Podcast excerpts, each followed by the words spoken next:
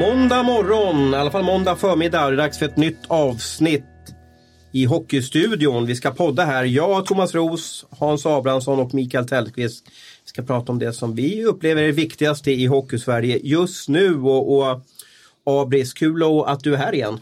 Ja, det är alltid lika kul att vara här hos dig Thomas. Känns det roligt att det har börjat igen, att det, att det har dragit igång på allvar? För nu har ju vi gått och kört massa listor och, och, intervjuer och så vidare. Men nu, nu har ju pucken släppts. Ja, det är jättekul. Jag tänkte på det senast på tåget hit idag. Att det, så, det är så skönt. Man är så trött på försäsongen nu. Liksom. Det känns som den här jul, julen när man städar ut den ungefär. Liksom. Man vill bara, det känns så lite äckligt med försäsongen. Nu vill man ha de här tävlingsmatcherna som gäller någonting.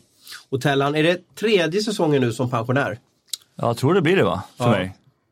Om jag räknar, är matchvikten densamma eller har det blivit mycket Match, Matchvikten är ungefär, nej den är några plus. Däremot muskelmassan tror jag den börjar förtina. Uh-huh. Så att det blir mer fett på kroppen kan man säga. Samma vikt men eh, mindre muskler. Ja, muskler väger mer än fett säger de ju, de som vet. Så att, men du, kollar, du kollar säkert på någon match i, i lördags här. Mm. Det rycker inte i, i plockhandsken liksom, att vara där och vara med? Nej, det är vissa sekvenser i matcherna kan jag känna. När det börjar dra ihop sig på slutet och sådana grejer. Man står där eh, i början av matchen möjligtvis och man känner nervositeten. Hur ska det gå? Hur känns det?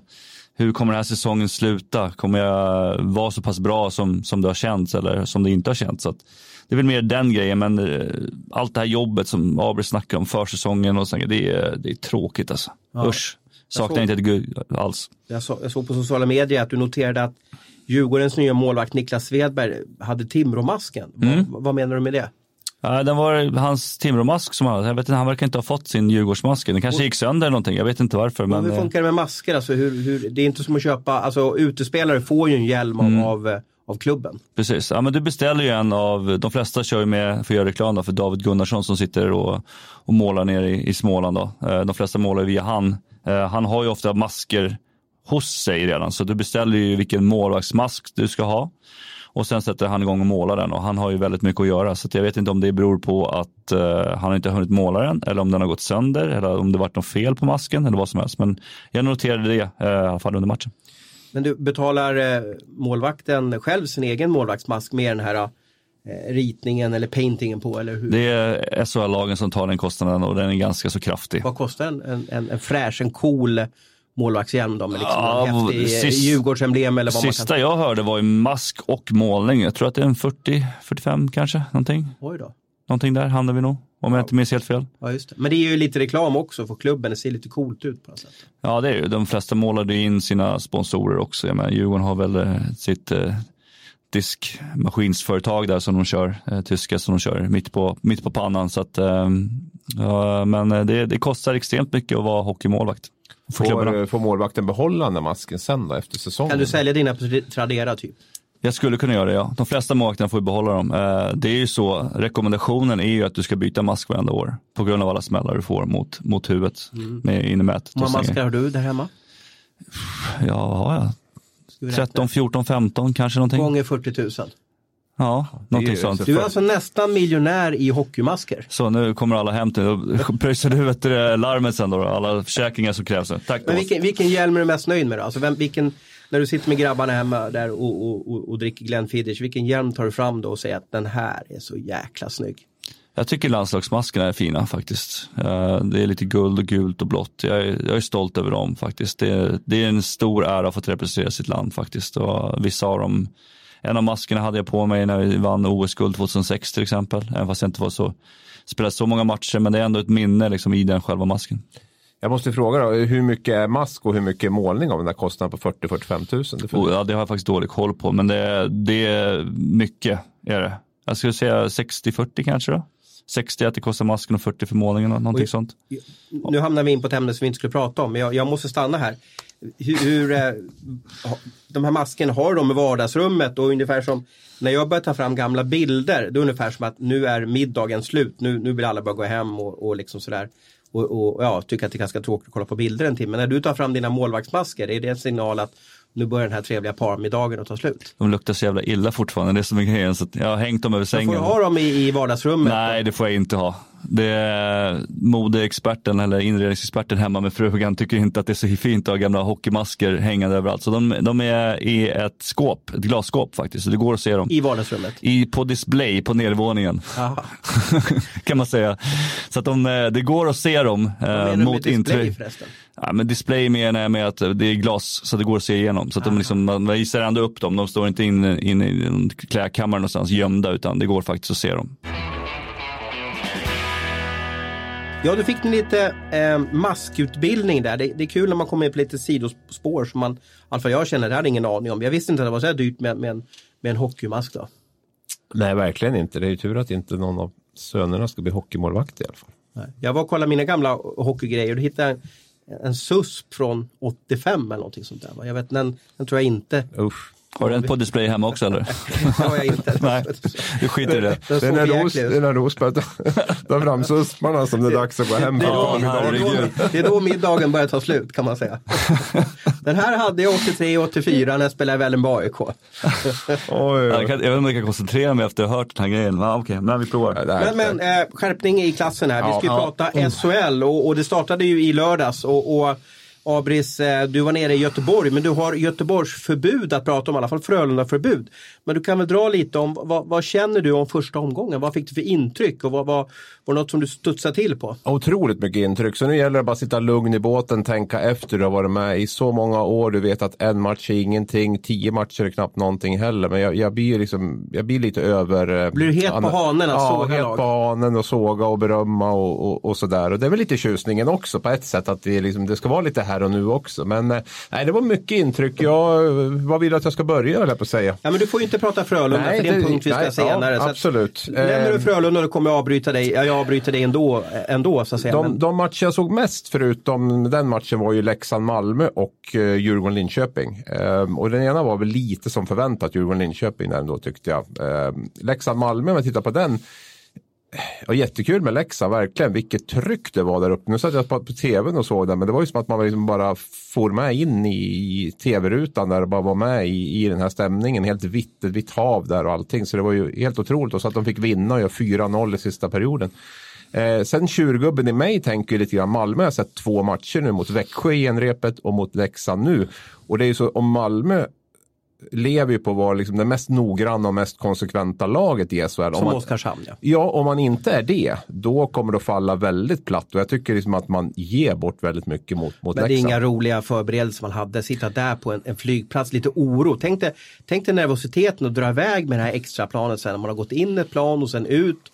Och sen sitter SHL och säger att ni måste starta matchen 60 minuter efter att ha kommit till Leksand det måste vara ett ganska stort stresspåslag. Eller jag bollar in Tellan här. Vad, vad säger du om de här förberedelserna som de hade? Ja, men det är en av grejerna att vara professionell idrottsman. Att man får, men, man får det, ja, men det är klart att det inte är en optimal start på säsongen. Men samtidigt så har de, de visste ju om det ganska så tidigt. Så kan man ju liksom lägga om tankesättet om att kunna slappna av på ett helt annat sätt.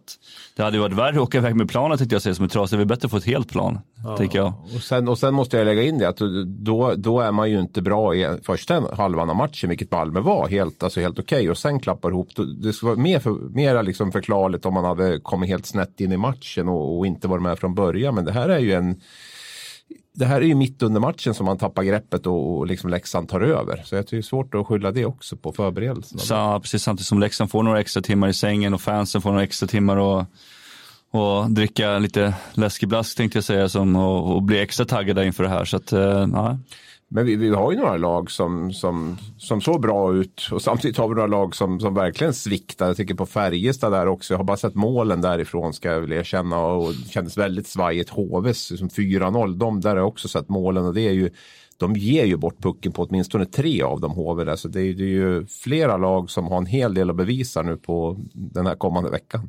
Mm. mm. Det gick snabbt att få några krislag i, i svensk hockey och HV är väl det lag som jag är lite mest orolig för för jag tycker de saknar spets och, och jag tror vi, försökte, vi ställde någon tuff fråga till, till tränare Lund där att det är lite för mycket myspys och jag tycker att det där genomsyrar dem fortfarande att det är inget jäklar anamma. Det är ingen som vill på något sätt bryta sitt ben för att vinna en närkamp eller vinna en match. Och då är det svårt. Det upplever att SHL-lagen är ganska jämna. Jag måste flika in det där innan vi släpper Leksand då. Eh, jag har pratat med många Leksand efter den matchen jag började fundera på om de hade gjort någon, någon grej där med, med, Malmö och förstört flygplanet för att de sålde rekord i restaurangerna. Eh, han som var ekonomichef för Leksand noterade en vinst efter matchen på 1,5 miljoner. För de hade ju fansen i arenan i tre, fyra timmar extra. Det är ganska bra att få in 7000 masar inför en match där som bara spenderar pengar. Mm. Eh, nog om Leksand. Eh, Nej, fortsätt du. HV71. Du- Fortsätt du. Jag tyckte det bara var roligt för Leksand att de fick, fick den här eh, starten. Jag tror det var första premiärsegern på 19 år. Och om det är någonting som vi behöver så är det också lite skrällar och att det blir några av de här storlagen som liksom levererar och så vidare. För att där, där, jag tror Leksand ändå berör ganska mycket.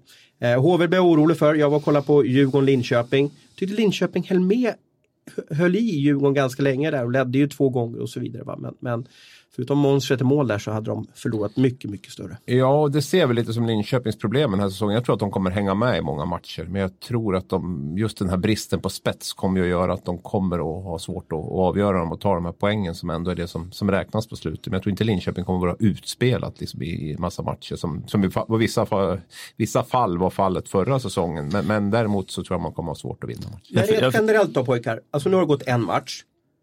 Hur, när ska man börja bli orolig om man håller på HV, Linköping, ja ett lag från Göteborg, eh, vad ska vi säga mer, Skellefteå var lite stökigt i. När ska man för de här, de här lagen som inte levererade första omgången, när ska man som supporter till dem börja fundera på, vänta nu, vad är på gång? Vad, vi in- bollar in Tellan här som, som spelare, när, när, kan man, när kan man känna som spelare att oj då, vi är nog inte bättre än så här?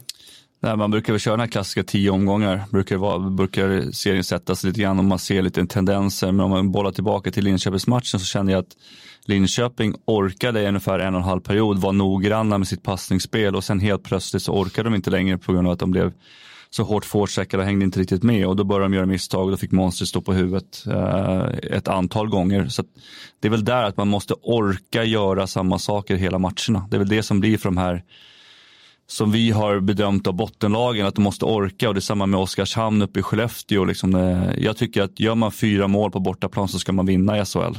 Det går inte att släppa in fem mål eh, och såna grejer och det går inte att släppa in eh, så, så pass mycket mål. Eh, så det, är väl, det är väl typ där jag ser det. Din spaning var ju klockren. Många mål vill du se, eller trodde du skulle få se och det fick du ju.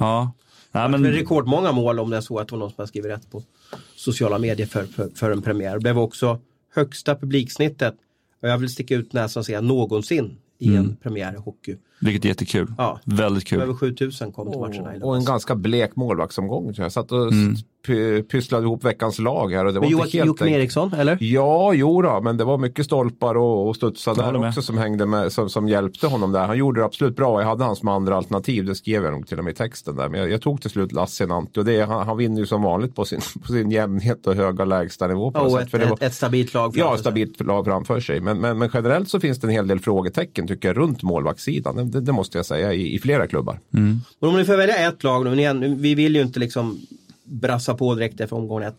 Om vi ska liksom vifta med någon flagga här med, med någon typ av klubbemblem på som vi tycker att lite krisvarning. Finns det någon klubb som ni vill plocka fram där som ni funderar på? Jag har ju nämnt HV lite, lite som du har varit inne på Abris, att myspys och, och vad, är, vad, vad är spetsen, vad är viljan, hur välscoutad är Camara exempelvis?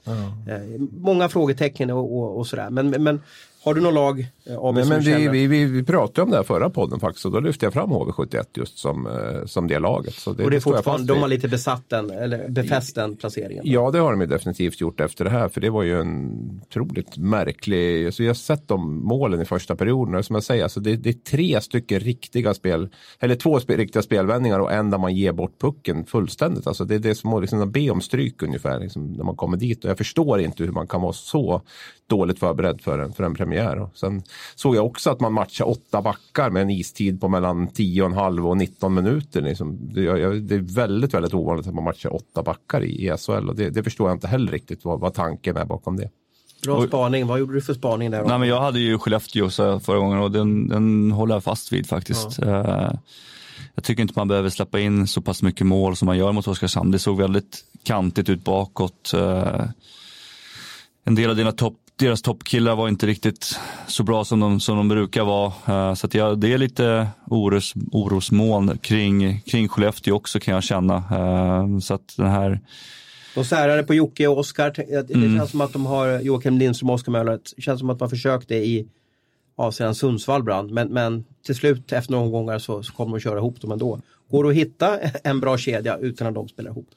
Ja, alltså de måste ju sprida på dem. Men Jocke blir ju faktiskt inte yngre heller. Han är 35 år. Nu gjorde han ett jättesnyggt mål ändå med, med en fin skymning framför mål där från Payet. Men eh, som stänkte upp rakt upp i, i taket. Men det, det kändes inte riktigt som det var gamla vanliga Jocke tyvärr eh, i första matchen. Men jag hoppas att han kommer igång här snart igen.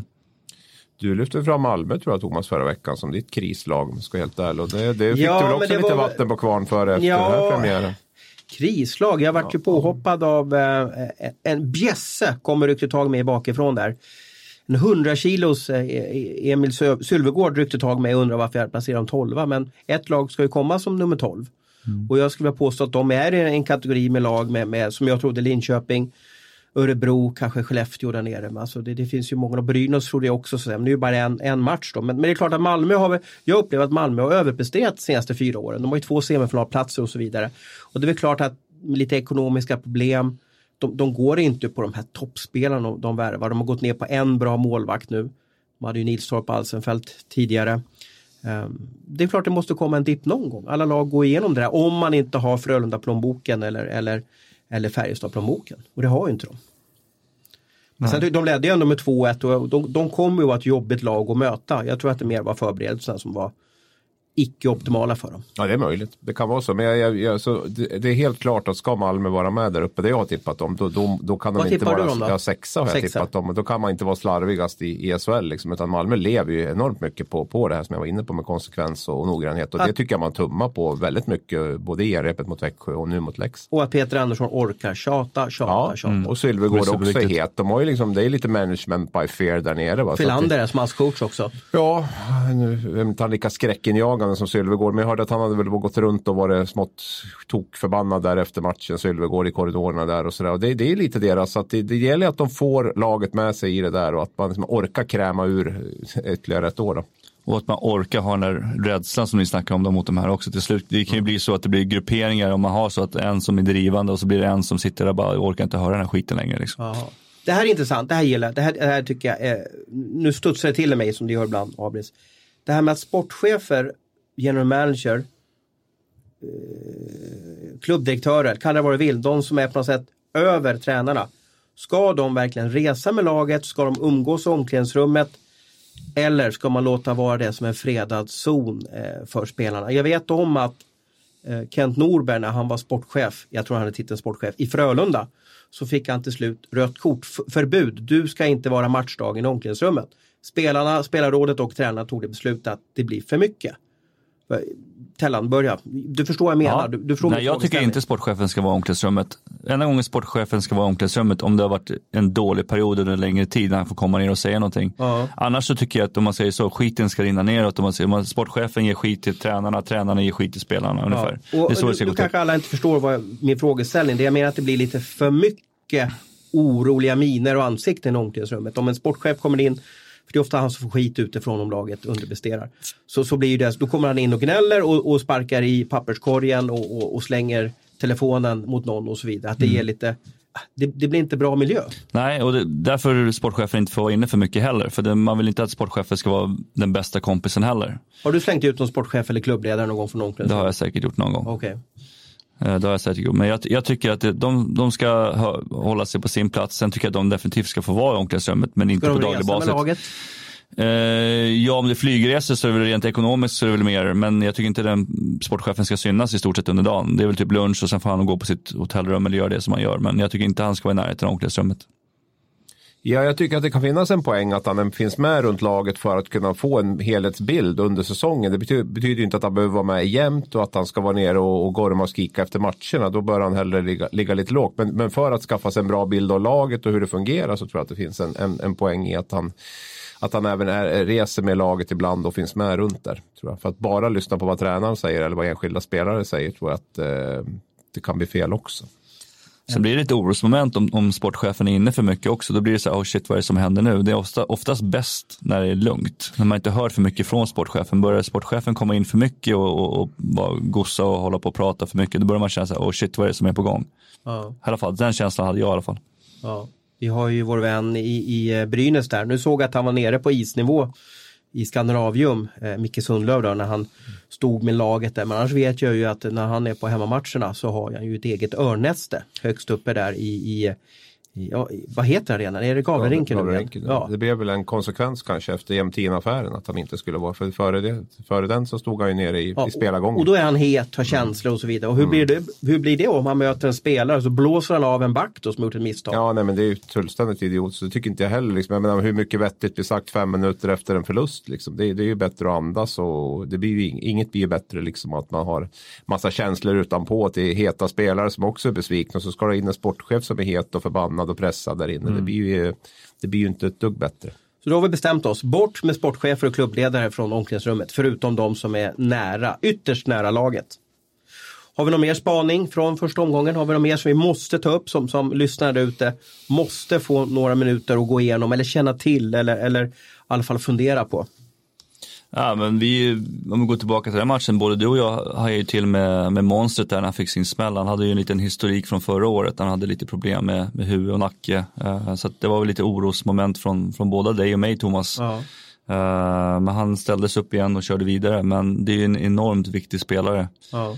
Uh, en profil i SHL och behöva få honom skadad redan första matchen. Så vi hoppas att han mår bra nu efter matchen också. Jag pratade, jag kollade upp den och det var ingen fara. Nej. Och du menar på att det var Linköpingsbacken som agerade fel där?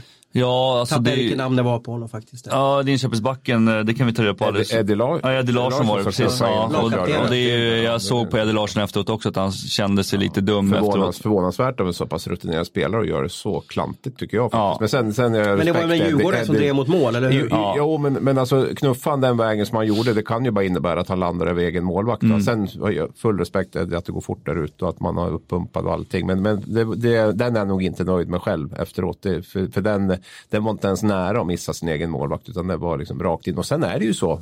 Forward, får man en knuff där, man har ingenting emot att ramla in i målvakten heller, så är det. Men, men i det fallet så kan ingen skylla på forwarden även om han kanske inte har något emot att ramla på, på monstret när han gör det så uppenbart. Eller mm. Larsson där. Uh, nej, men sen tycker jag också vi lyfta fram det. Nu är man väl lite så här positiv uppumpad och allt vad det är. Men jag, det känns som att det kommer bli jäkligt jämnt i år. Va? Mm. Till och med topplagen börjar svikta direkt ja. lite grann. Ja, och på Luleå då? Örebro liksom går lite på vatten. Ja, Luleå, Luleå var ju, det, var ju liksom exemplet och Djurgården också till viss del då, som, som ändå förhållandevis enkelt tog, tog Linköping i alla fall andra halvan av matchen. Då. Men, men Färjestad lite problem, Frölunda är problem, HV om vi nu ska räkna in dem där är lite problem. Så att Eh, och, eh, Växjö? Ja, ja, ja, jag vet inte alls. Liksom, det kändes väldigt så här, lite likt förra året. Lite så här långsamt och lite trubbigt och lite, lite sådär. Men eh, det är tidigt än. Innan vi flyger vidare så måste jag göra en sista spaning. Vet ni hur många poäng Henrik Eriksson i Djurgården kommer göra den här säsongen om hans snitt från omgång ett håller i sig? Ja, men jag såg någonting på det, det såg jag på Twitter, men visst ja. det var samma. Men han gjorde han väl två, två poäng. poäng, ja, två poäng ja. Så gånger man det med 52 så gör han 104 poäng. Mm. Hur troligt är Henrik Eriksson gör 104 poäng? Det kan jag faktiskt lova att han kommer inte att göra. Nej. Nej. jag vet, jag har gjort det sen. Så känner Hank the Tank Hank Tank. Ja, men jag är glad att han får en bra start. Han missade ju hela slutspelet förra året och var, kan jag tänka mig, helt bedrövad. Liksom.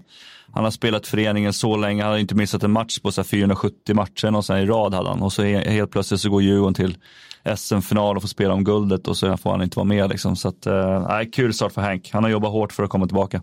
Och sen den kedjan tillför ju en dimension till Djurgården. Det tycker jag man saknade väldigt mycket i förra, förra mm. årets slutspel. Där, liksom. att man, Henrik Eriksson eh, var borta, Alén var borta. Liksom mm. Liksom så här, och man, man åkte runt med sådana som Guter och sådana i en fjärde kedja och det är inget fel med dem. Men det är ju inte den typen av spelare. Nu har man den här Greve och Henrik Eriksson och så när Manuel Ågren som har alla förutsättningar. Och Valli Walterholm där. Ja, ja, och Anton Hedman också som har också en, Absolut en, eh, absolut. Så att, eh, pondus. Ågren ser ju jäkligt intressant ut. Liksom. Lite mm. sådär, det är lite så här Fjällby. Det var, Fjällby ja, han hade inte klippt sig på länge så han samma Nej, det var två också. år där. Det var ungefär samma uh, taktik som Fjällby valde.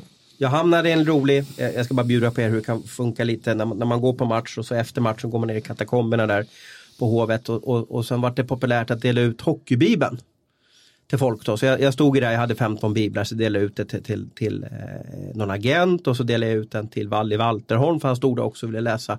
Och drog, drog han ju upp eh, Djurgårdens uppslaget med Djurgården då, men då hade inte vi då hade inte vi med honom i laget då. Så då, då, då var det lite pinsamt när vi stod där. För jag, för jag frågade om han var nöjd med sin plussättning och då, då var det så, ja men jag är ju inte ens med så att säga. Liksom. Det, det är han och Fimpen som inte är nöjda med det när det gäller plusgrejerna. Var det? Nej, men det var väl, det var väl också sett på att, platser, va? Ja, precis. Nu vet jag inte varför vi hade inte med honom om jag ska vara ärlig. Jag vet inte ens om vi betygsatte Engqvist så att säga. Men av alla de här spelarna så tycker jag han borde varit med i alla fall. Eftersom han ändå har varit hyfsad honorarie. Så att bakläxa för oss då lite då. Ja, Engqvist har ju också sagt nu va, att han officiellt lägger av. Såg jag nu på vägen hit. Ja, reflektion över det. Rätt val av han. Eh, naturligtvis. Eh, tycker att han har haft en fantastisk karriär. Otur med naturligtvis med alla hjärnskakningar och skador. Men otroligt skicklig spelare. Eh, speciellt på att läsa spelet tycker jag. Men när pratade du med honom sist? Ja, några veckor sedan var det väl typ. Vad, hur mådde han? Hur kan han ha för, vad har han för vardag? Eh, det funkar helt okej. Eh, större delen av tiden så funkar det helt okej. Men sen kommer det dagar där det inte funkar. Där han känner att han eh, inte är sig själv. Så att, eh, det var väl inget oväntat beslut. Det var väl som, som alla andra. Patrik Berglund har ju redan fått hans nummer 21 där. Ja, det också. Men eh, det var naturligtvis ett, ett bra beslut att gå vidare sitt, sitt liv och förhoppningsvis så mår han bra och bättre snart. Det är ju en i mängden också. Vi har ju många nu. Det är Selin och det är eh, Bibic och så vidare. Granström och så vidare. Så det är många som har blivit pensionerade. Eh, Fernholm. Grunde, Grundel, Fernholm. Vi kan rabbla här i Mm. tio minuter massa namn. Så Ja. att det där är inte trevligt. Men vi får hoppas att eh, på något sätt att de kan ha hyfsade liv och ta hand om sina barn och, och, och ha trevliga middagar med, med frugan och så vidare. Yes. En annan stor snackis i svensk hockey är, ja tyvärr får vi väl säga, det som sker inom eh, damhockeyn just nu. Eh, vi har en högsta liga som startade i fredags, eh, kanske en, en, en, av de mest spännande premiäromgångar vi haft med många skrällar och så vidare. Och vi har ju den bästa damhockeyligan i världen, eh, det måste vi ju säga. Men just nu så pågår ju någon typ av eh, gerillakrig med, med tre parter, om, om jag får tolka allting rätt. Spelarfacket Siko, där damhockeyspelarna nu äntligen efter många år har, har gått med i. Vi har ligan SDHL då med, med spelarna och så har vi då förbundet då som ansvarar för svensk hockey i stort. Och landslagen, från pojklandslag, flicklandslag upp till damkronorna och Tre Kronor då, ska de liksom, ha sin har sin stora, eh, sina stora händer och armar runt. Då. Men just nu så, så är det ju då, eh, de kommer inte överens om ett landslagsavtal. Eh, och det här i fredags så gick förbundet ut och sa att nu, nu, nu eh, kör de inte den här novemberturneringen utan de, de säger åt, eh, det var väl USA och Finland och Kanada, att nu blir det ingen turnering då. För att vi får inte ihop det, vi har inget avtal. Eh, på vems sida står du Abris? Ehm, jag står nog lite mittemellan ska jag säga. Jag, Lite jag, svensk sådär. Ja, lite så. Tyckte du att jag var jättetråkig förstår jag. Men det är som, nej, men det är, jag, jag ser två sidor av det här myntet och, och, och, och ehm, jag tycker att det finns att göra på, på båda sidor måste jag säga. Ja. Tellan, du som har spelat i landslaget, du som vurmar lite för, för damhockeyn. När du har lyssnat lite eller, eller, eller liksom haft örat mot, eh, mot rälsen, vad, vad, vem är det som är bad guy eller bad girl? Ja, jag, jag är nog lite mer som du säger, jag är nog lite mer på, på tjejernas sida. Jag tycker att de borde få bättre förutsättningar för att kunna Men vem ska bedriva. betala för de bättre förutsättningarna? För, eh, igen, nu ska jag bara ta en bakgrund. Det är ju så att eh, SDHL och ishockeyförbundet då, de har gjort ett, ett avtal med varandra. Jag har inte sett avtalet, jag har inte läst alla paragrafer. Men i stort så innebär det att SDHL får rätten att förhandla med alla tusen företag som finns i Sverige att göra affärsavtal med ligan. De har fått in DHL som ska sponsra runt en miljon om, om, om eh, folk fortsätter att skicka sina paket. SDHL får 3 kronor per skickat paket inom DHL. Man har gjort avtal, något annat avtal såg jag i helgen. Och det har man rätten att göra nu. Det, det rätten har förbundet haft tidigare. Sen hur väl de har nyttjat det, det vet jag inte. Men då vill ju förbundet att, att de ska ta ersättningar till landslagsspelarna när de är på läger. Jo, Så då är det väl upp till SDHL att jo, lösa det. Ja, absolut, men alltså, det, arbetsersättningen är ju ingen fråga för där har ju SHL gått in med pengar. Man gick in med pengar redan förra året som förbundet slarvade bort och som man har liksom lagt på andra saker och nu finns de pengarna igen för nu har SHL gått in med 400 000 till. Så det, det är ju en icke-fråga. För det första var det ju otroligt korkat att inte ha en bryggmodell när man gick ifrån att då förbundet Men stod vem, för vem, ersättningen. vem är som varit korkad då? SDHL eller är det förbundet? Ja, både Båda och skulle jag vilja säga. Där. Mm. Framförallt förbundet då ska jag väl tycka. Eller de har väl på, Som har ett helhetsansvar för hockey. Ja, men som har ett helhetsansvar för hockeyn. Där. För det är klart att under två, par, tre år så, så måste man ju se till att innan eh, SDHL hinner bygga upp det här, eh, bygga upp då, så att man, klubbarna kan betala ut någorlunda rimliga löner till, till sina spelare så, så måste ju förbundet då i sin tur stå för, för de här kostnaderna under den perioden. Eh, så, att, så det är ju egentligen, som jag tolkar det så är det en icke-fråga det här med ersättningen. Fast det är pengar det handlar om. Till slut. det handlar om Sist, pengar, ja. men det är ju en annan sak. Men vi måste ju skilja Jo, på vad som är ja, pengar ja, och pengar. ja, okej, men vi- men, men det, sen det, det också- det handlar om försäkringsbiten, det handlar om att man vill ha en bonus för att man Jo, går men då upp i väl det stått Det i handlar om att man vill ha... avtalet. Då har väl det stått reglerat i avtalet. Det är ju inte så att förbundet strider mot ett avtal. Nej, men det Man finns ju, de, har ju, de har ju inga skilligheter. Det är ju saker som man vill ha in i. Där vill man ha Jo, in fast om, man ger, om jag ger dig, du får kommersiella rättigheter i ligan, men du får göra som SHL, du får ta alla kostnader som uppstår i landslagssamlingar. men nu måste vi skilja på det också. För jag menar om vi tar herrlandslaget nu så betalar ju förbundet, trots att SHL-klubbarna betalar ut löner under tiden de är där, så betalar SHL, eller förbundet ut bonusar för guld, silver och brons Jo, men det får ju damkronorna också.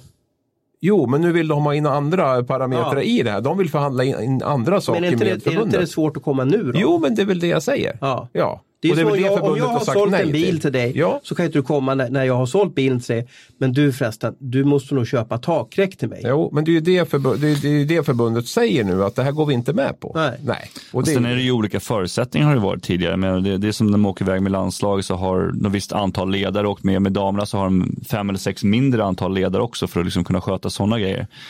Eh, och sen får de inte spela med samma utrustning som de gör i klubblagen utan de måste spela med liksom, ett speciellt märke när de är med i landslaget och sådana grejer. Så det, det är mycket sådana här grejer som de vill få ändrat liksom, Ja, också. lite efterhand också. Liksom då. Att det finns ju Ja, säkert det i vet det vi, det vet vi inte Nej, helt säkert. Det vet, nej, vi har inte sett 52 i alla fall. Så, det, det, så är det ju. Och, Men, men jag vet ju om säljer jag en bil och någon köper en bil av mig. Man kan inte komma efteråt att säga, ja men du, jag behöver ju ett takräck också. Ja men det stod inte Sen tycker jag att förbundet gör alltså, ganska pissig grej när de på samma dag som SDHL startar serien så går de ut med den här informationen och säger att de ska liksom avbryta den här turneringen. De Jo. kunde ha väntat lite grann. Absolut, men Det nu, är känns det, ju nu att- är det ju ett krig man har startat. Mm. Jag, menar, jag vet att förbundet var skitförbannad på SIK och damkronorna. Nu är det deras version, men de tyckte att de hade inte fått någon information om den här första strejken. Nej, när det kom. det kom nu ingenstans. har man liksom gett sig in i ett, i ett spel här och då, då får man vara beredd på att motparten också Det är till sand, sandlådenivå kan jag tycka. Ja, men man kan kanske inte, för, för jag tror att den här bojkotten av första turneringen kom ganska oväntat, även om de säkert har skickat ut signaler och jag står inte bakom förbundet på något sätt. Jag tycker också att de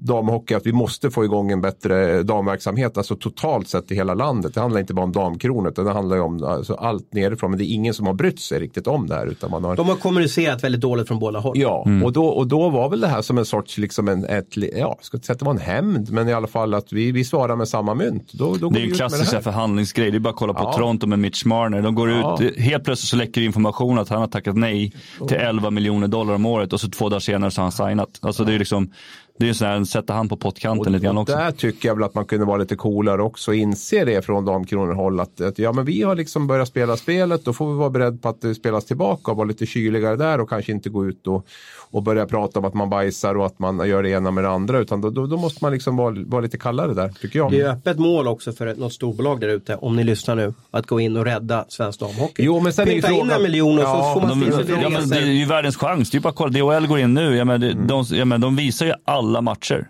på C More och SVT. Alltså snacka om marknadsföringsmässigt är det ju liksom öppet mål som du säger. Nej, Sen är ju, damkronor. sen Ja, är ju, jo, men ändå på SDHL. sen är ju svensk damhockey, alltså, den krisen är ju så mycket djupare än bara liksom damkronorna. Det handlar om återväxt och allting. Jag vet inte, har vi 95 utländska spelare i vår högsta liga Man nu? får Vi följa har- vår Twitter vi har så blir det tid- uppdaterat där. Ja, han har exakta siffror va. Men, vi räknar på att det är tio lag där. Det innebär att det är nio och en halv spelare i snitt i, i vår högsta liga. Alltså vi har en extremt dålig återväxt heter det va. Eh, och, och det kommer ju att bita oss i, i rumpan ännu mer framöver här. Det, det är ju, det är ju liksom, vi har ett svagt damlandslag redan och jag tror att det är stor risk att det kommer att vara ännu svagare på, på, eh, på sikt. Om jag tolkar er rätt då, ni står på samma sida här, det är bra att vi får, eh, inte alltid så myspysigt där, att vi står på olika håll. Men ni tycker att förbundet ska, ska ner med garden och betala vad tjejerna vill ha.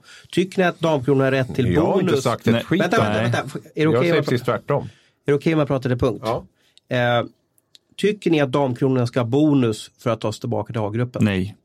Nej. Nej. Bra, Då är vi, där är vi överens också. Ja, ja, men jag är väl absolut inte så att jag tycker att förbundet ska pynta upp, bara tvärtom. Alltså det, det, det handlar inte om, det handlar inte alls om det. Däremot tycker jag att eh, förbundet har, har misshandlat eh, svensk damhockey under väldigt, väldigt lång tid och det, det, det står jag för. Och, och det är som en relation, fan Thomas, om man inte petar in lite kärlek i en så dör han någon gång och det är samma med damhockeyn. Alltså, man Det inte, tycker jag är en bra liknelse. som- För, kärleken håller jag med om att de har gett lite. Men, Väldigt lite. Men de har ju också följt sina avtal. Att de har förhandlat mest. Det kanske var synd den här säsongen att man gjorde ett avtal. Jag vet inte om det var på STHLs initiativ eller förbundets initiativ. Det var synd att STHL kom in som en förhandlingspart när det gäller affärsrättigheterna just i år, måste jag säga. Sen, sen finns det ju en nyckelgrej i allt det och det är att förbundet har ingen superekonomi. Man har jättedålig ekonomi, man, har, man går back på VM-guld, man kan inte arrangera VM på hemmaplan och få in de här 60-70 miljonerna som man har gjort tidigare för man går back på VM också. Så förbundet är ju stenhårt pressat ekonomiskt och då har man då har man också misshandlat eh, damhockeyn och ingen har stått upp för damhockeyn speciellt heller. Och, liksom, och det handlar inte bara om de här tjejerna i damkronor utan det handlar om hela vägen upp. Hur ska vi få en återväxt i svensk damhockey? Hur ska vi få unga tjejer att spela? Hur ska vi, liksom, vi måste ju få upp en mängd också för att vi ska få upp en topp. Vi kan ju inte ha 20 spelare som... Så många som så många som möjligt så länge som möjligt. Ja men såklart, men det är ingen som har brytt sig om det här och det är ingen som har lagt in någon kärlek i det här från, från något håll egentligen. Nej, och det, och det kommer ju från, från näringslivet också att de får öronmärka pengar till vissa, liksom, till, vissa liksom, till, till tjejerna eller vad som helst. Det är ju så de har gjort lite grann uppe i Luleå också. Liksom. Du ska ju inte säga att Luleå Hockey går in med mer pengar än vad Djurgården eller något annat lag gör, utan vad jag har hört, utan det är liksom näringsspecifika personer som går in och säger att de här pengarna ska ges till damerna. Liksom. Men jag lovar att det finns jättemånga ledare på förbundet och, och runt om i Hockeysverige som älskar att jobba med unga killar och, och juniorlandslag och pojklandslag och ungdomslandslag och så här. Men jag är inte lika säker på att det finns lika många som, som verkligen brinner för att, för att jobba för att få fram unga tjejer. Och det är, liksom, det är inte lika mycket, vad heter det, inte prestige, men det är inte liksom Det är inte lika coolt. inte lika coolt och sådär. Och, och vi måste börja jobba från grunden med det, för det, det måste komma upp fler, fler tjejer och, Och få det är ju- bättre möjligheter att utbilda sig. Det här är ju ett sätt det att förändra samhället. Jag, jag har ju två döttrar som har idrottat. Eh, eh, ni, ni har eh, söner som, som idrottar. Men, men i alla föreningar jag varit så är det så att när man börjar som sjuåring så sitter man där på ett föräldramöte och så ställer någon representant från klubben frågan, har vi några föräldrar som vill engagera sig? Och är man på en pojksamling då, då räcker kanske tio papper upp handen. Jag vill vara med. När du ställer samma fråga till, inför den här gruppen med, med, med, där, där du har ett flicklag som ska bildas så finns det oftast ingen som rycker upp handen. Det här är ju, vi måste ju ändra synen på flickidrott från början och det här lever ju kvar så länge. Det har blivit mycket, mycket, mycket bättre. Men exempelvis som, som eh, Damkronan har pratat om, har kläder som, som inte är anpassade för tjejer. Så ser det ut till och med i AIK fotboll, damfotboll. De, får, de får pojkkläder, de sitter som, ser för jävligt ut på dem rent ut sagt. Då. Så vi måste ju ändra samhället. Även Schibsted, Sportbladet, vi har också ett ansvar här. Eh, Våra marknadssatsningar och så vidare. Va? Liksom. Så vi måste ändra synen från början. Då kommer Damkronan till slut få liksom en skjuts framåt. Då. Och jag tror att det här med tv-avtalet är en jättebra grej, att det öppnar upp att man kan se alla matcher också. Man för får att, eh, föredö- f- förebilder och idoler. Och så. Ja, absolut. Och det blir lättare tillgång till saker och ting. Eh, Förut visst, man kunde ha sett matcherna tidigare också. Om man liksom lägger sig till manken till att gå och titta på matcherna. Men nu blir det mycket enklare. Och det tror jag enkelheten är en fördel för SDHL. Ska vi ge tips till, eh, till SIKO, STHL och förbundet? Är det inte att de sätter sig ner en hel dag med Bostedt och, och, och, och Zachrisson på SIKO, eller han har ju en kollega där som sköter damförhandlingarna förstått och Angelica Lindberg på STHL och Olof Östblom och Ylva Martinsen. Alla får ju sätta sig ner en halvdag på något konferenscenter och prata ut. Det är inte det som måste ske. Och kanske några landslagstjejer där. Erika Gram tycker jag har varit ganska frekvent ute och pratat. Jo, det gäller ju att ta ett helhetsgrepp på det här. Om man nu ska ha en damhockeyverksamhet så måste de ju ta ett helhetsgrepp på det. Lite grann som man gjorde med den här juniorutredningen en gång i tiden och liksom verkligen sätta en, en, en- en plan för hur, hur man ska komma framåt. Och det är inte så enkelt. Alltså, men, men, men det krävs att alla, alla inblandade liksom är med och, och, och drar sitt till, till det här. För annars så, så kommer det inte att bli bra. Och det är, de kan släcka elden nu men den kommer att, och, det kommer inte att bli så mycket bättre om vi inte får en återväxt. Nej. Sen har vi som fans ansvar också att gå på de här matcherna också. Vi kan inte Men bara sitta här och skrika att det är Nej. klubbarnas fel och alltihopa heller. Utan vi måste ju faktiskt ta oss till matcherna också och visa intresse. Luleå hade över 1000 på, på sin hemmapremiär. Övrigt så var det ju 100, 200, 300 åskådare. Mm, tyvärr. Men det är ju väldigt, vi ska avrunda damhockeysnacket. Jag hoppas att ni har tyckt om att vi flickar in den biten. Eh, för det berör ju, nu hör ju tempen steg i rummet här. Nu har även liksom landslaget kommit in i det hela, det kanske därför det blir extra mycket känslor. Men, men att de damhockeymatcherna jag gick på i fjol, jag, jag, var i Linköping och jag var i Djurgården och jag var i Luleå. Det är som skillnad, när jag skulle gå på en Djurgårdsmatch vet jag, jag hittade knappt in på Hovet. Det var en dörr öppen på hela Hovet. Det fanns ingen personal, det fanns ingen eh, pressansvarig, något som är någon lyxproblem här och så vidare. Men, men att gå på en damhockeymatch idag, ibland känns det som att man är på en, en, en P-talmatch i hockey. Mm. Och så kan det inte heller vara. Då tror jag att man som klubb, i alla fall de som har en SHL-klubb, de flesta klubbarna i SHL, de, de måste ha samma arrangemang. Precis som det var i Luleå Abris, kommer du ihåg det när vi var på, när vi var på en, eh, kollade på en SHL-match du och jag. Det var, mm. Bastrumman var igång, eh, Robert Hedlund var där och, och klacken var där. Det måste vara samma engagemang från klubben. Jo, absolut. Sen finns det också en kostnadsbit i allting också som, som ska gå ihop. Och det, det finns säkert andra lag eller föreningar som tycker att det ska vara, vara bättre på deras matcher också. Men det, det är en helhet och det går inte att, att, bränna på personalen hur mycket som helst heller. Så det, gäller, det gäller att hitta en mix i det där, absolut. Ja du Abris, i, i lördags så, så avundas jag dig. Då fick du gå på Avenyn, du fick leta ner mot, mot Skandinavium. Fick känna vårluften i Göteborg och se alla eh, indianskrudor och alla röda tröjor och, och känna glädjen. Då. Hur, hur, var det nere i, i Göteborg i, i lördags och matchen Frölunda-Brynäs? Ja, det var precis som du sa, förutom att det var höstluft då möjligtvis. Men var det inte lite värme? brukar Jo, jo, men, det var, men jag måste ändå säga att det var lite så här, ja, brittsommar då kanske vi kan kalla det för, eller vad heter det? Eh, nej, men det var, det var det är ju en ynnest ändå att liksom få vara på den här matchen. Fullsatt in premiär för första gången på åtta år. Glädjen Härlig bara, stämning, mycket ja. fans, både från Brynäs och från Frölunda. Och, äh, det är speciellt att gå på Hockey i Göteborg, det är jäkligt roligt. Och, bra tryck inför matchen och eh, ja, man ryser med den här line-upen om man Frölunda. Där, liksom, ja. det, det, det, är häftigt. Så att, eh, det, det var ju, allt var ju upplagt för en riktig hockeyfest och det blev ett riktigt antiklimax. Nu ställer jag frågor som en journalist här. Eh, har de fortfarande samma pissig pressläktare där, där man alla som väger över 80, 80 kilo får svårt att få plats?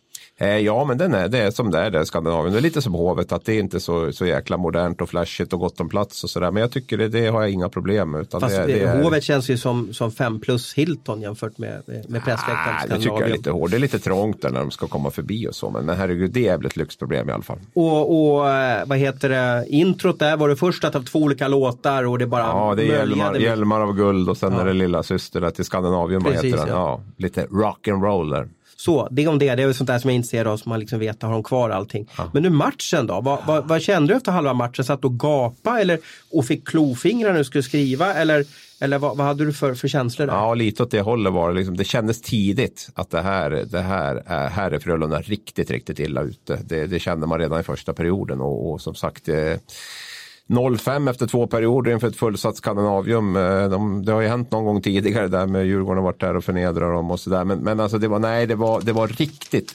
dålig insats av Frölunda. Jag ska inte ta någonting av Brynäs som var riktigt, riktigt bra. Eh, men det hade kunnat vara eh, 8-9-0 liksom i, i den matchen egentligen. Frölunda spelade, alltså Frölunda hade lite chanser och sådär men, men, totalt sett så var man inte speciellt intresserad av att göra, göra jobbet i, i tre zoner utan det var, det var ihåligt och det var eh, trögt och oinspirerat såg det ut. Tellan, de, de valde inför matchen där att, att hissa både en CHL-banner och en SM-guldbanner. Tror det gav en signal till killarna på isen att fan, fan vad bra vi är, vi är bäst i världen. Fast jag tycker det är helt rätt. Det är klart man ska vara stolt över det man har presterat. Ja, och men det är inte svårt att ladda om. Och, och... Fast det har väl sett lite halvknackigt ut på försäsongen också i Frölunda. Så det var väl ingen så här, klart det varit en, en chock för fansen men det har ändå varit lite så här Ja, det kanske inte står helt rätt till. Den kanske behöver pilla in en till back i, i Frölunda, liksom, samma som, som Växjö också behöver. Så jag tror att nu efter första matchen här så tror jag att Freddy Sjöström är ute och, och ser. Och, Redan nu alltså? Ja, det tror jag. Det tror jag. De, de är vara förberedda på... Jag en tidning här, jag, jag, jag tittar i vår tidning från i söndags. Det är så synd att man inte ser laguppställningarna och, och matchvakta längre. Alltså. Fråga mig om du vill veta.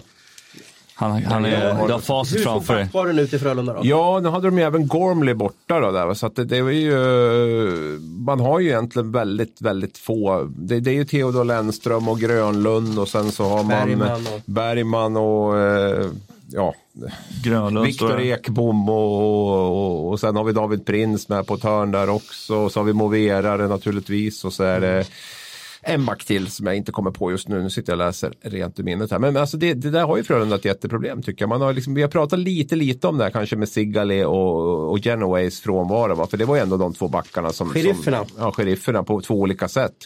Genoway den spelskicklige och, och Sigale den mer liksom, rejäla, robusta backen. Båda de är borta, spelade mest, hade mest istid. Ehm, Gormley också borta nu i premiären och klart att då, då börjar det se lite tunt ut. Det, det, det måste man säga. Vi har, Carl Stollery hade ju naturligtvis med som back där också. Den nya eh, kanadensaren där och han var väl kanske sämst av alla backar. Man får ge dem lite tid. De har ju både, Absolut. både Bergman och, och, och Stollery behöver ju tid för att etablera sig. Men tror du inte Frölunda varit lite chockade att Sigge lämnade också? Det kändes som att, liksom, att de trodde att han skulle stanna kvar och sen helt plötsligt går Brynäs in och, Får och jag ge snor lite honom. behind the scenes Ja, där om absolut. den övergången? Mm, gör det. Ehm, Jag, jag var nere i Frölunda för några veckor sedan och, och flick in här, då är säkert Brynäs input eh, Abris då. Men, men Brynäs gick ju super all in med pengar. där. Alltså, de, det, ja. de gav ju Gandersson pengar plus ännu mer. Mm. Bara för att vi ska ha honom. Så Frölunda kunde, har inte råd att matcha honom. Ja, jag är säker på att det kan vara en Frölunda-version också. Brynäs betalade ju bra. Frölunda Brynäs betalade bra. Jag tror att de gav Sigale ungefär det han har haft, eller kanske lite till ungefär. Frölunda Men varför däremot, by- byter han då från Göteborg, ganska trevligt? därför att Frölunda gav honom betydligt mindre än vad Brynäs erbjöd honom. ja, att det var en ren pengaövergång. Ja, det, det är absolut inget snack om det. Sen får han säkert en större roll i Brynäs också. Men det är klart att Sigale är ju ingen, han, han, han, han spelar ju där han får bäst betalt, snudd på i alla fall. Men nu tror jag det skilde ganska mycket mellan buden. Det beror ju på att Frölunda har ju lassat så tungt på sin forwardsida. Med både Lasu in och Sundström in nu till redan, redan inför det var det ju SHLs dyraste forwardsida. Och då innebär att då måste man ju spara någonstans. Och där har man ju sparat på backsidan och till viss del även på målvaktssidan. Det var ju därför inte Johan Gustafsson är kvar. För att liksom, man, man val- byter bort liksom 180 eller 200 på Johan för, för 40 på Revin. Va? Och, och sen har man även sparat på backsidan. Och det är ju, man trodde nog att Segalé skulle vara kvar men man var inte beredd att betala honom som en toppback i ligan. Och det var, det var Brynäs. Så där var behovet mycket större också för att få in en sån spelare. Så att det är väl det tror jag Frölunda visste ju vad man, alltså Fredrik Sjöström och Lehtall är ju inte dumma. De vet ju exakt var lönenivåerna ligger i SHL. Så man tog ju en chans där. Segalé har två år kvar, han är 33 år. Han vill nog gärna vara kvar här, vi ger han det här budet ungefär. Och, och det var han inte nöjd med utan han fick han, säg 50 000 till då i månaden i Brynäs så, så då väljer han Han det. vet ju om att det ska vara en två år med Brynäs också. Ja, Ja, det kanske är sista kontraktet. det är hans sista kontrakt, det har han sagt. Och, ja, och då är, det ju, då är det ju liksom, då går man ju dit. Men igen, de var ju inte värda, de var inte beredda. Vad kan han tjäna då i, i Brynäs? Jag skulle tro att han ligger strax över 200 000. Oj då, jag skulle säga 300. Ja, det tror jag inte att han har. Fast han är ju kanske en av SHLs bästa backar. Ja, fast det är ju Då annan, har ju det, är- lönerna det, är- det är sjunkit ju i inte så en fall. back som gör, liksom, det är ju inte en back som gör 40 poäng. Ja, det är inte Ryan gjorde Jo, massa- försäsongen är en sak, men det, det, kan ju, det är många som har gjort mål på Henrik Jag, jag vill nog påstå att han tjänar närmare 300. Ja, det får stå för dig. Jag tror inte att det var så högt. Men eh, det är ändå en, en typ av back som, som inte öser in poäng. Så att jag tror att eh, Fast en duktig back. det är absolut en jätteduktig back. Men eh, jag menar att taket för de här backarna brukar ligga, det är väldigt få backar som den typen som ligger över 250 000. Så, att, eh, så jag, jag tror inte, jag tror han Vi ligger kan väl följa upp det. Vi, vi, vi 200 kollar upp det till 250. nästa. Vad, vad tror du han tjänar Tellan? Ja, men jag tror att han ligger lite grann mellan 2 och 250. Sen har han säkert några bonusar, lätta bonusar som han säkert kan nå. Match, antal spelade och poäng som, som gör att han kanske kommer över, Mm. Poäng kan ju 300, bli så att han kommer över 300 till slut. Men eh, han måste ändå prestera på ett eller annat sätt. Vad tjänar Gandersson tror du Brynäs? Ja, han hade ett jättebra kontrakt. Gunderson skulle jag tro låg runt 300 000. Det tror jag. Han var ju väldigt, de skulle ju bara ha hem honom då när han hade varit i Minsk där och Bengtzén var ju en prestigevärvning för Bengtzén där också. Så där fläskade han på. Det tycker jag var helt rätt. För det, det är en sån spelare som, som har allt. Liksom. Han gör både poäng och han är seriös och noggrann och klarar det defensiva spelet. Så det är inga problem med det. Men jag vet ju ungefär vad de här Everberg och, och Gynge och de här har fått nu. De ligger liksom runt Ja, vad ligger de på? Alltså, ja, alltså, inte håll Ev- inne på inför. Everberg, det jag hörde på Everberg var att runt 270 000 har han i månaden. Mm. Och sen kanske en sign-on som han fick i, i Schweiz. Eh, nej, det var väl inkluderat då i det. Okej. Liksom, att det är det hans månadslön där. Det var det, att han ligger ungefär där. Och eh, Gynge någonstans också lite mer i år för han hade 10 månaders kontrakt. Men, men eh, annars 250 hörde jag på 12 månaders kontrakt där på dem. Så det är, alltså, då pratar vi forward som gör mycket på Rödin. Då Kan har jag man gått ner lite. Det känns som att Det är inte så har många. Alltså Jocke Lindström har legat precis över 300 000. Jag tror att han har varit klart, eller han har varit bäst betald i SHL. Hans kontrakt tror jag har legat precis över 300 000. Men, men en defensiv back som kanske ligger på 15 poäng och sånt här. Han kommer väldigt sällan över 250 000. Erik Gustafsson har vi ett exempel. Han vet vi exakt vad han tjänar i och med att hans vart bötfälld förra året och han låg väl om inte helt fel på 230 000 nu för, mm. för Erik Gustafsson. Och det är, det är också en liten hint som är svårt till. att utläsa. Ja, lite. men där på, på just på böterna så får du exakt på summan vad de, vad de tjänar. Niklas Danielsson låg också på 230 000 ungefär i, i, i sin lön. Känns som Brynäs är ganska dyr. Ja lönebudget i år, alltså med skott och jag såg, alla jag såg, en, jag såg en genomgång här Rudin, som eh, en ja. revisionsfirma har gjort. Och de hade högst löner i hela eh, SHL. Vilka då? Eh, Brynäs. Jaha, ja du ser. Ja, de har ju då, då, får, ganska, ja. då ska vi räkna med personal, alltså kansli och så vidare. Mm. Ja personalkostnad för Brynäs IF var högst i hela SHL. Mm. Mm. En del sparkningar, det kanske var förra säsongen? Då, ja, förra säsongen. Ja, ja. ja, man hade mycket löner som låg och tickade med Sjödin och Janne Larsson och Bengtzén ja. och Melin. Ja, och så kanske ett stort kansli med ja, kommunikationsansvarig. Sen har ju Brynäs det som är med Brynäs också att man har en ganska dyr alltså, fjärde kedja med liksom Blomqvist, Alsen och, och Manberg. Det är ju spelare som har varit en 7-8 år i SHL. Mm. De, de ligger liksom uppåt en 100 000 där. Det är, inget, det finns, det är ingenstans direkt man sparar på på, eh, på lönerna utan de, de ligger ganska högt även de lägsta lönerna. Men du varför vi skulle prata om Frölunda det var för att jag, i alla fall när vi hade vårt eh, möte inför den här eh, podden var inne på, men vänta, kan det här vara sista säsongen nu eller eh, med, med i förhållande till Rönnberg och Frölunda eller kan det vara någonting att en lampa slocknar där hos dem att de inte orkar? Jag vill inte säga att Frölunda ska sparka Rönnberg efter 60 minuter och en hemmaförlust, det blir liksom töntigt. Men jag börjar fundera på att allt har ju sitt slut.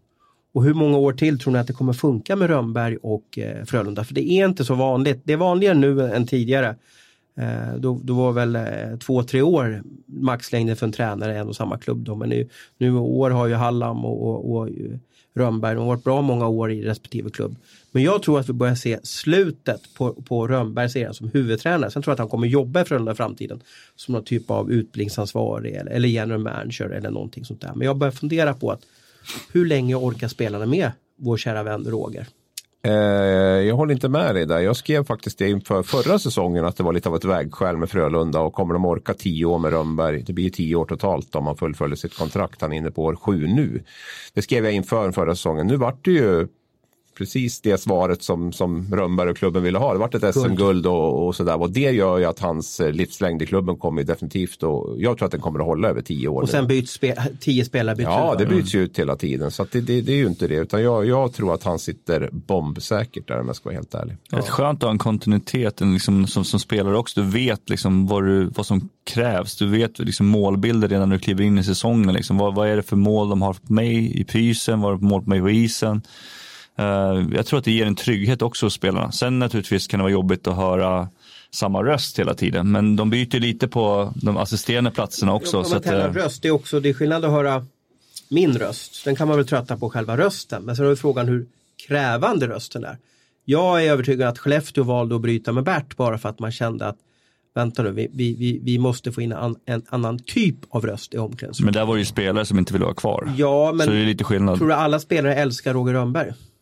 Nej, men de spelarna som inte är det, men där är nog Frölunda ganska tydliga med liksom att det är det här vi står för. Det är passar, som gäller. Passar inte så finns det andra klubbar. Vill du vinna så spelar du Frölunda liksom. Mm. Det är ju så. Alltså det, det, det, det, det, är inte så jävla mysigt om man vill vinna utan det, Nej, det, det är, du behöver en jobbig jäkel och jag får säga vad man vill om Roger Rönnberg. Alltså, men han ger ju sig inte förrän det blir bra. Och jag menar, har man fem titlar nu på, på sex säsonger så står det ändå för någonting. Alltså, det, det är, eh, då är man mer än en jobbig jävel. Och det kanske behövs. Men du pratar om att Bert inte var kvar. Ja, hur ser det ut i Skellefteå nu? Hur kommer försvarsspelet att se ut i Skellefteå i, i vinter och så vidare? Va? Så att, eh, de, de är viktiga de där jobbiga också. Jag menar, Thomas Berglund har en till va, som, som kanske inte, man kanske nästan kan spy på när man kommer in efter ett byte och är supertrött. Liksom, Peter Andersson i Malmö. Ja, mm. lite så va. Men jag, jag tror att det, är, att det är jätteviktigt. Men att allt har ju sitt slut? Absolut. Allt, mm. allt, Absolut. Allt jag förstår din frågeställning och jag ställde den själv för ett år sedan och eh, det var lite av ett vägskäl förra säsongen för Frölunda. Nu tror jag inte att det är det utan eh, man vet att man har, det har fungerat inom i, i i, nyligen liksom med, med SM-guldet där och jag menar byta ut honom nu, det tror jag inte är ett alternativ överhuvudtaget. Vad tror du att de gör säsongen. Värva en till målvakt eller vad tror du Jag tror att de kommer att se över truppen. Jag tror att de måste titta lite på sin backsida. Där. För ska man vara, nu vet Frölunda bytte ju lite inriktning förra året med den här eh, med spelande backsida och så. Nu har man väl kanske dragit det ytterligare ett steg och jag tror att ska man vara ett spelförande lag som ändå eh, Rönnberg pratar mycket om och liksom vara de som driver spelet så tror jag att spelet från bakplan behöver bli lite bättre. Och där har man nog gått bort sig lite grann. Och till viss del beror det på att man eh, la in väldigt mycket pengar på sin forwardsida och var tvungen att, att spara lite. För nu har man ju Jakob Moverare som spelar powerplay och, och, och lite sådär var första powerplay. Och det är, liksom, det är ju inte det är ju inte Genoway eller Henrik Tömmernes eller Rasmus Dahlin eller ja, Matt Donovan eller sådär utan det, det är ju en Karlsson. ganska, alltså det är ju en back som ja, under stora delar av sin karriär har varit defensiva. Men, men eh, Tellan, du som har varit omklädningsrum, en krävande tränare då? Hur, hur länge dröjer det innan, innan spelare tycker att Nej, nu räcker det, vi, vi orkar inte mera piskan längre? Nej, men Joel har varit ärlig med och sagt att han tycker att det är skitjobbigt med, med, med Roger och alltihopa. Men båda de två vill ju vinna liksom. och, och det är det som krävs. Alltså det, det är som Abris är inne på. Det, det är jobb varenda dag i 365 dagar om året nästan om du ska ta nästa steg. Och det här är liksom SHL-nivå. Tänk dig nästa steg då om du ska ta ett steg till bort till Nordamerika. Också börja vinna på den sidan Atlanten. Eh, Det är ju också, då är, det helt annorlunda. Liksom. Då är det 80, vad är det, 82 matcher, 81 matcher på en säsong. Nu lägger du till 30 matcher till som du ska liksom prestera, plus slutspel, plus lite mycket jobbigt resande. Plus att du har farmarlag där du kan byta spelare titt som tätt på ett helt annan- annat sätt. annan oro där. Ja, helt annan oro. Så jag tycker att de har någonting verkligen bra, eller de har någonting på gång, eller på gång ska jag inte säga, men de har haft och har någonting som, att de utbildar spelare också som ska ta nästa steg. Utan det är det här som krävs om man vill komma bort till, till Nordamerika. Jäkligt intressant möte imorgon också, tisdag där, eh, HV Frölunda i, i Jönköping. Så det kommer att vara, en, ett av de lagen kommer att ha en tuff vecka. Mm. Men igen, vad, vad, sa du 10 matcher Tellan? Är det då man, men Linköping Ja, det ledde efter vara- 13 matcher i Det fjol. brukar vara klassiska. Eh, men då hade ju Linköping haft väldigt mycket hemmamatcher vad jag förstod det som, som förra året och sådana grejer. Så att, eh, Målsen stod väl på huvudet. ja, han hade väl 94-95 räddningsprocent, do- någonting sånt. Och Statistik generellt tror Ja. jag med, med allt möjligt. Va? Från, Corsi och alla sådana grejer. Så skotteffektivitet och målvaktsprocent och allting. Så. Ja. Men, men eh, klart efter 10-12 omgångar så börjar du se tendenser. Sen kan du inte slå fast att det blir så. Men, men, men lag som har problem då, de, de har ju mycket att jobba med för att ta, komma ikapp. Sen tycker jag det ska bli kul att se Oskarshamn hemma också, hur de beter sig på hemmarink. För jag tror det där kommer vara deras borg, liksom deras, liksom, Nykomlingsmötet där. ja precis, hängslen och livrem, hur de ska klara sig kvar, liksom, hur de eh, attackerar sina motståndare på hemmaplan jämfört med, med bortaplan. Ja visst, och se Leksand där också kanske lite halvbakis efter det där superpartyt som var i lördags. Där, liksom, hur studsar de upp i en vanlig eh, bortamatch en tisdag mot Oskarshamn? Det, det är jätteintressant att se. Och hur, hur, hur, hur hanterar Brynäs segern mot Frölunda? Går man in och bara kör över Linköping här på, på tisdag? Vilket man tycker man har ett bättre lag än Linköping? Eller, ja, det blir, det blir jäkligt Hur ser det ut på intressant. Italmax? Går de runt och kör high five nu med alla fansen eller? Det i Eh, Gävle, Ja, det är nog Lite väldigt, väldigt, väldigt eh, positivt där nu efter, efter eh, den där premiären. Och det, det ska väl ha all anledning och fansen kan väl jubla för det var, det var, en, Ja, det var absolut en, en bra insats. Det går inte att komma ifrån. Sen har jag väl sett Sett i efterhand också lite på matchen där och jag kom inte bort ifrån att Frölunda gjorde otroligt mycket märkliga saker under, under den matchen och verkligen liksom bjöd in Brynäs på, på, på väldigt många sätt. Men du, eh, eh, Oskarshamn, jag läste, eller hörde så en intervju här med deras klubbdirektör. Han sa att Åh, de ska ha en sån jobbig resa hit. Eh, det är ju E22 man åker, man åker från Stockholm och så ner E4 till Norrköping eller Linköping och sen viker man av där ner mot Västervik och så kommer man till Kalmar och sen till Oskarshamn. Vad är en jobbig bortaresa för, för en, spelare egentligen? För här blir det, om man, om man spelar Djurgården så kan jag gissa att man bussar ner till Oskarshamn. Eh, Leksand har jag ingen aning om de flyger till Kalmar eller om de bussar idag. Jag, jag, jag, jag vet inte. Men, men vad är en jobbig bortaresa? För de, de, de pratar ju om att spelarna ska tycka att det är skitjobbigt att komma hit. Det blir ju det, det blir långa bussresor. Det är bussresor ja, blir men buss, Speciellt om man börjar komma upp lite i åren. Det är, liksom, det är ju inte jättemycket plats på bussarna. Liksom. Även fast du har ett eget dubbelsäte så är det fortfarande blir väldigt stel om du sitter lång tid. Liksom. Du sitter säkert och håller på med mobiltelefonen eh, och fokuserar på den istället för på matchen. Så att, eh, Nej, det är så, kort, så korta resor som möjligt och buss tycker jag är absolut värst för mig. Eh, Man brukar snacka om bussben när man kommer in och det, det stämmer. Det, man är väldigt, blir väldigt seg i kroppen och sagt. Det blir en väldigt speciell luft på bussar också när man sitter under längre tid. Det blir väldigt, man, Vad satt du på bussen? satt längst bak, coola killarna.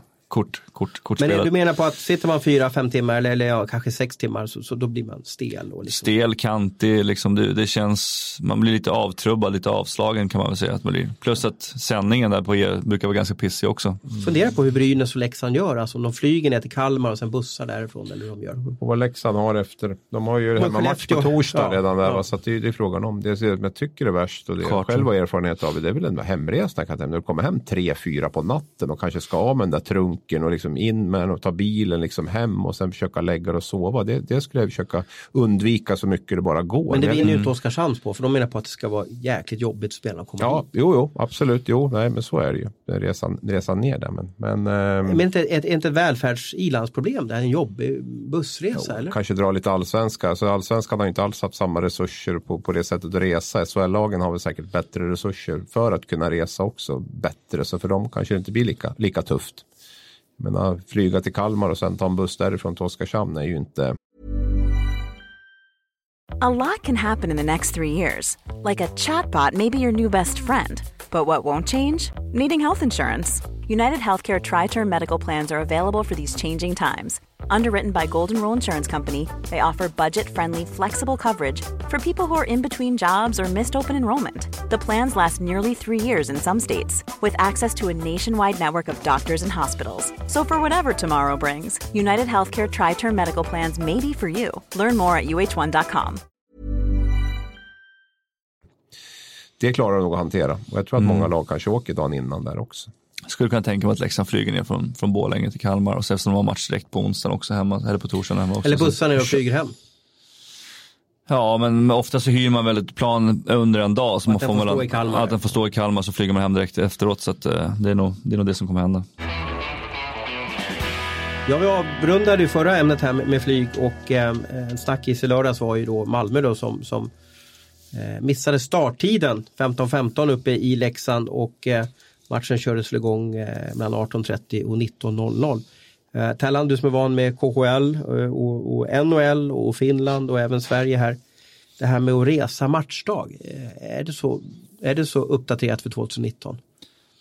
Jag kommer ihåg när vi kom hem, när jag kom hem och spelade i Modo ett år, då, då reste vi, men då hade vi Uffe Samuelsson och Marcus Näslund. De sa alltid att vi skulle åka dagen innan. Förutom när vi åkte till, undrar om det var Timrå som var uppe då. Som vi åkte, nej, var kanske inte nära, var, ja det var nära. Då åkte vi, då åkte vi dit med buss. Eh, men annars åkte vi alltid dagen innan, även till Luleå som var fyra och en halv timme från Örnsköldsvik så eh, åkte vi dagen innan. Är det regel i NHL att man ska vara på plats 24 timmar innan nedsläpp? Eller är det jag som bara tror i min hjärnbalk? Jag tror att det är någonting sånt. Eh, Back to back Visst. då, hur gör man då? Back to back? Ja. Menar du eh, ni- om, om, borta, om- borta om- hemma? Om du spelar med Toronto Mm. på fredag kväll, Toronto, Montreal och sen dagen efter är det Montreal, Toronto, alltså 24 timmar efter. Då är det svårt. Mm. Ja, du flyger ju, du flyger flyger, ja, flyger direkt. Alltså, jag kommer vi spela Toronto, vi flög till Buffalo. Liksom. Det var ju typ så här, du hann ju knappt sätta dig ner från du landade igen. Liksom. Eh, så det var väldigt mycket sånt. Men jag gillade det för jag tyckte det var skönt att vara på plats. Uh, käka en god middag på kvällen innan och, och snacka ihop sig med, med killarna lite grann och sen gå och lägga sig och få en, få en bra natts sömn. Så att, men det är naturligtvis en, en ekonomisk fråga. Eh, det man blir en får hotellnatt. en hotellnatt till, det blir mat eh, och sådana grejer. Men ehm, ja, med Djurgården så flög vi upp på morgnarna eh, till Luleå till exempel, första flyget. Eh, så det är bara att hoppas att all materialen fick åka med utrustningen. Eh, vi åkte väldigt mycket tåg. Eh, åkte tåg till Göteborg, till Växjö. Materialen åkte då också med, med en skåpbil med utrustningen dagen innan. Så att eh, man försöker nog hitta så ekonomiska eh, medel som möjligt. Vad ska man ställa krav på, det är hit jag försöker komma, på, på klubbarna som flyger åt en match? Att man är på plats i alla fall dagen innan. Man inte 24 timmar innan, men i alla fall dagen innan. Eller kvällen innan.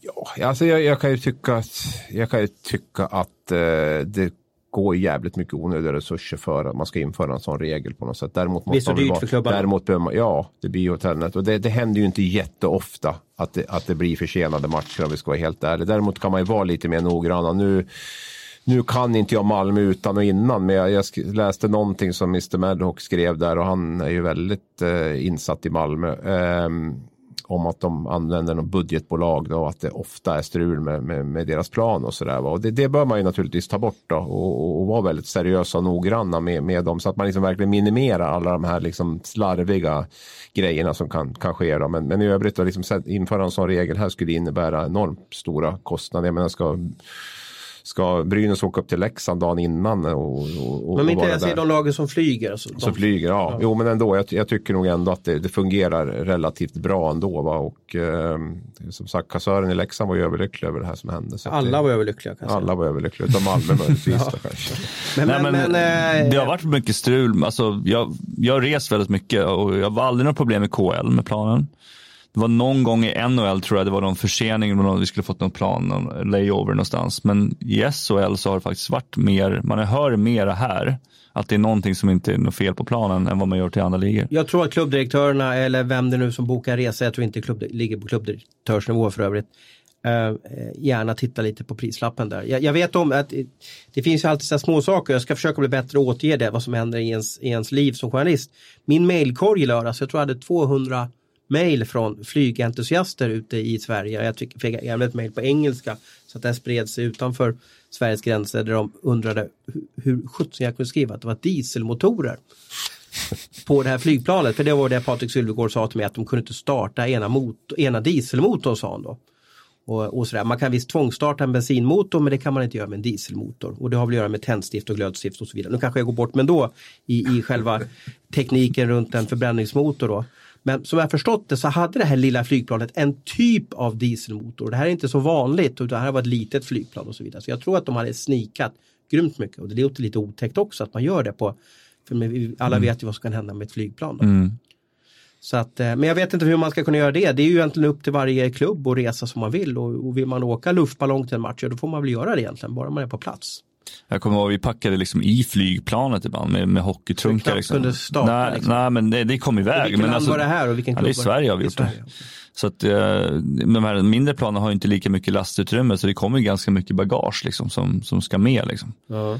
Uh, så att jag tycker inte att man ska skära in på sådana grejer för då har vi någonting otäckt som kanske händer. Då har vi någonting som vi som kan minnas. Jag har också funderat på att de flyger ganska små flygplan också. Liksom mm. Funderar på, alltså, alltid när man sätter sig i ett Boeing och så vidare så tycker man att allt känns så tryggt. Men varje gång jag varit rädd på ett flygplan då har det varit den värsta flygturen jag gjort i mitt liv. Det var när jag flög om det var Chicago, Detroit eller någonting och det kändes som att det var, det var 22 platser i flygplanet och det skakade och det hoppade och det, och det hade sig liksom sådär.